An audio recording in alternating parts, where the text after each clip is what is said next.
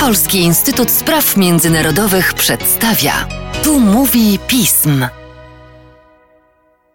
Tu mówi pism. Przy mikrofonie Mateusz Józwiak, a wraz ze mną ekspert oraz analityk do spraw Francji Łukasz Maślanka. Cześć Łukaszu. Cześć. Jak wspominaliśmy w ostatnich podcastach, rok 2022 dla Francji jest to czas wybitnie wyborczy.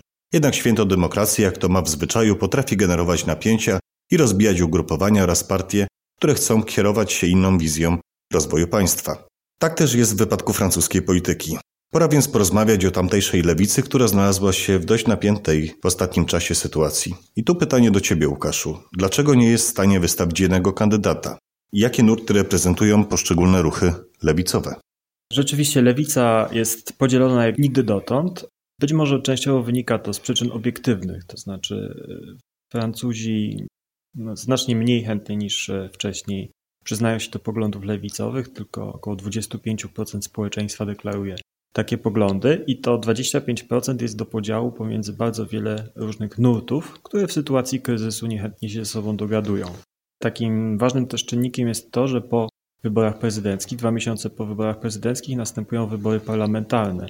W związku z tym interesie każdej partii tworzącej e, pejzaż lewicowej sceny politycznej jest też nie tylko promować e, kandydata na prezydenta, ale też promować partię, co zachęca do e, dalszych podziałów. Odbyły się prawybory, no i celem prawyborów w zasadzie jest wyłonienie jednego kandydata i jakby położenie kresu podziałom w ramach jednej rodziny politycznej. Tak stało się na centroprawicy, tam też były podziały, ale udało się wyłonić kandydatkę Valérie Pécresse. W przypadku wyborów lewicowych doszło do czegoś wręcz przeciwnego, to znaczy doszła kolejna kandydatka, była minister spraw sprawiedliwości za czasów François Hollanda, Christiane Taubira.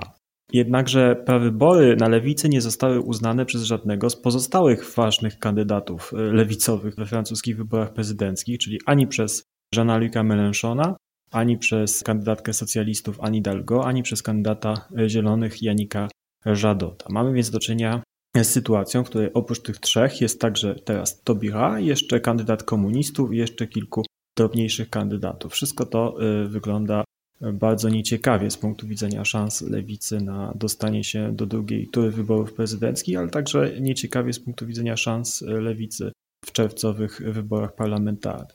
Trzeba też wspomnieć o takim no, absolutnie fundamentalnym podziale, który uzasadniałby to, że lewica nie jest w stanie wystawić jednego kandydata. To znaczy, najsilniejszym kandydatem lewicy jest wciąż Jean-Luc Mélenchon, który reprezentuje lewicę eurosceptyczną, w zasadzie nastawioną e, frexitowo, niechętnie nastawioną do uczestnictwa Francji w Sojuszu Północnoatlantyckim, z czym e, nie godzą się kandydaci lewicy umiarkowanej. Ale oprócz tego podziału ideowego dochodzą jeszcze no, podziały personalne związane z interesami poszczególnych partii. Przejdźmy na chwilę do Jeana Luc Mélenchona. Pozostaje on najważniejszą twarzą francuskiej lewicy. Czy aby na pewno? Jakie to ma konsekwencje dla sceny politycznej i wizerunku Francji? Ze wszystkich sondaży wynika, że y, Mélenchon ma szansę zdobyć najwięcej wyborców w wyborach prezydenckich spośród wszystkich kandydatów lewicowych. To jest znacznie mniej niż w poprzednich wyborach, gdzie udało mu się zdobyć około 20%. W tych wyborach sondaże wskazują raczej na 10, może trochę powyżej 10% ale fakt, że on nadal pozostaje najważniejszą lewicową twarzą wyborów prezydenckich jest dla Francji problemem. Jest problemem dla wiarygodności Francji. No, trzeba pamiętać, że w Parlamencie Europejskim frakcja socjaldemokratyczna to jest wciąż to miejsce, w którym kształtuje się wizja dalszej integracji europejskiej. Mélenchon nie uczestniczy w tej frakcji. W związku z tym te 10% wyborców, które na niego głosuje, głosuje na wzmocnienie sił skrajnie lewicowych we Francji, ale także w całej Europie. To wszystko sprawia, że jakby głos francuskiej lewicy jest głosem radykalnym, przypomina raczej te środowiska lewicowe, które znamy z Ameryki Łacińskiej, które mają pewną obsesję na punkcie niechęci do Stanów Zjednoczonych, szukają rozmaitych nowych konfiguracji geopolitycznych w sojuszu z Chinami, z Rosją.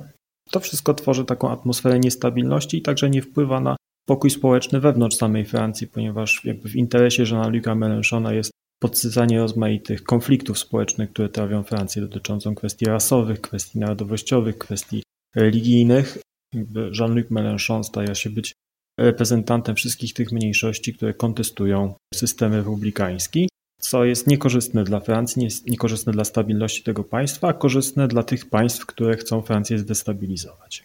Warto tutaj przypomnieć, że umiarkowaną lewicę we Francji reprezentują w wyborach prezydenckich socjalistka Anne Hidalgo i kandydat zielonych Yannick Jadot. Dlaczego nie zdołali się porozumieć? Czy według Ciebie jest ktoś trzeci, kto mógłby pogodzić te dwa nurty centrolewicy? Wydaje mi się, że to też jest warunkowane polityką europejską. W Parlamencie Europejskim istnieją osobne frakcje e, socjalistów i zielonych i jakby konflikt pomiędzy tymi e, frakcjami odbywa się nie tylko na poziomie Francji, ale tak na poziomie całej Europy. W Niemczech udało się doprowadzić do porozumienia pomiędzy socjaldemokratami i zielonymi, ale dopiero po wyborach. Do wyborów oni szli skonfliktowani, konkurowali ze sobą. Wydaje się, że tak samo jest we Francji, tylko okoliczności są nieco inne. To znaczy, lewica we Francji jest w tej chwili znacznie słabsza i nie może sobie pozwolić na luksus tego typu podziałów, jeżeli chce odgrywać jakąkolwiek rolę we francuskiej polityce. Każda z tych dwóch stron ma swoje atuty, to znaczy socjaliści nadal są dość mocno zakorzenieni w polityce lokalnej od lat i ostatnie wybory regionalne potwierdziły y, to zakorzenienie. Jeśli chodzi o zielonych, to zrobili dość dobry wynik w ostatnich wyborach europejskich, również w wyborach do samorządów miejskich. I jakby zbrojni w te swoje atuty, no nie chcą ustąpić ani na jotę co do swoich udziałów na tym lewicowym rynku politycznym. I w ten sposób no, rzeczywiście mamy do czynienia z kandydatami o bardzo podobnych do siebie poglądach.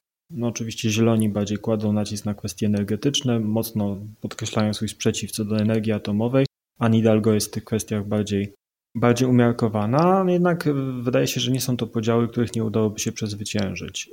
I w tym obecnie Janik Żado może liczyć na 5-8%, a Nidalgo na 3-5%, także no nie jest to sytuacja korzystna. Czy ktoś mógłby ich pogodzić? Wydaje się, że Christian Taubira, która wygrała te prawybory, widzi się w takiej roli osoby, która mogłaby jednoczyć tę wrażliwość bardziej ekologiczną i tę bardziej socjalistyczną, ale problem polega na tym, że ani Żado, ani Hidalgo nie mają żadnego, najmniejszego zamiaru oddać e, Tobira miejsca w tych wyborach. Zobaczymy, jak będzie się kształtowała dynamika w najbliższych tygodniach. Być może, jeżeli efekt prawyborów odbije się jakoś na sondażach i okaże się nagle, że Tobira jest czarnym koniem wyścigu prezydenckiego, ma 10% lub więcej, to wtedy wewnątrz partii socjalistycznej i wewnątrz partii zielonych może wytworzyć się pewna dynamika, która e, skłoni Hidalgo i Jadot do rezygnacji. Ale wydaje mi się, że jest to dość mało prawdopodobne i musimy być przygotowani na wybory w których będziemy mieli pięciu, sześciu lub siedmiu kandydatów lewicowych, którzy podzielą się tym 20 kilkuprocentowym tortem głosów. Zobaczymy, jak potoczy się dalej przyszłość francuskiej lewicy. Tymczasem dziękuję Ci, Łukaszu, za dzisiejszy podcast. Dziękuję.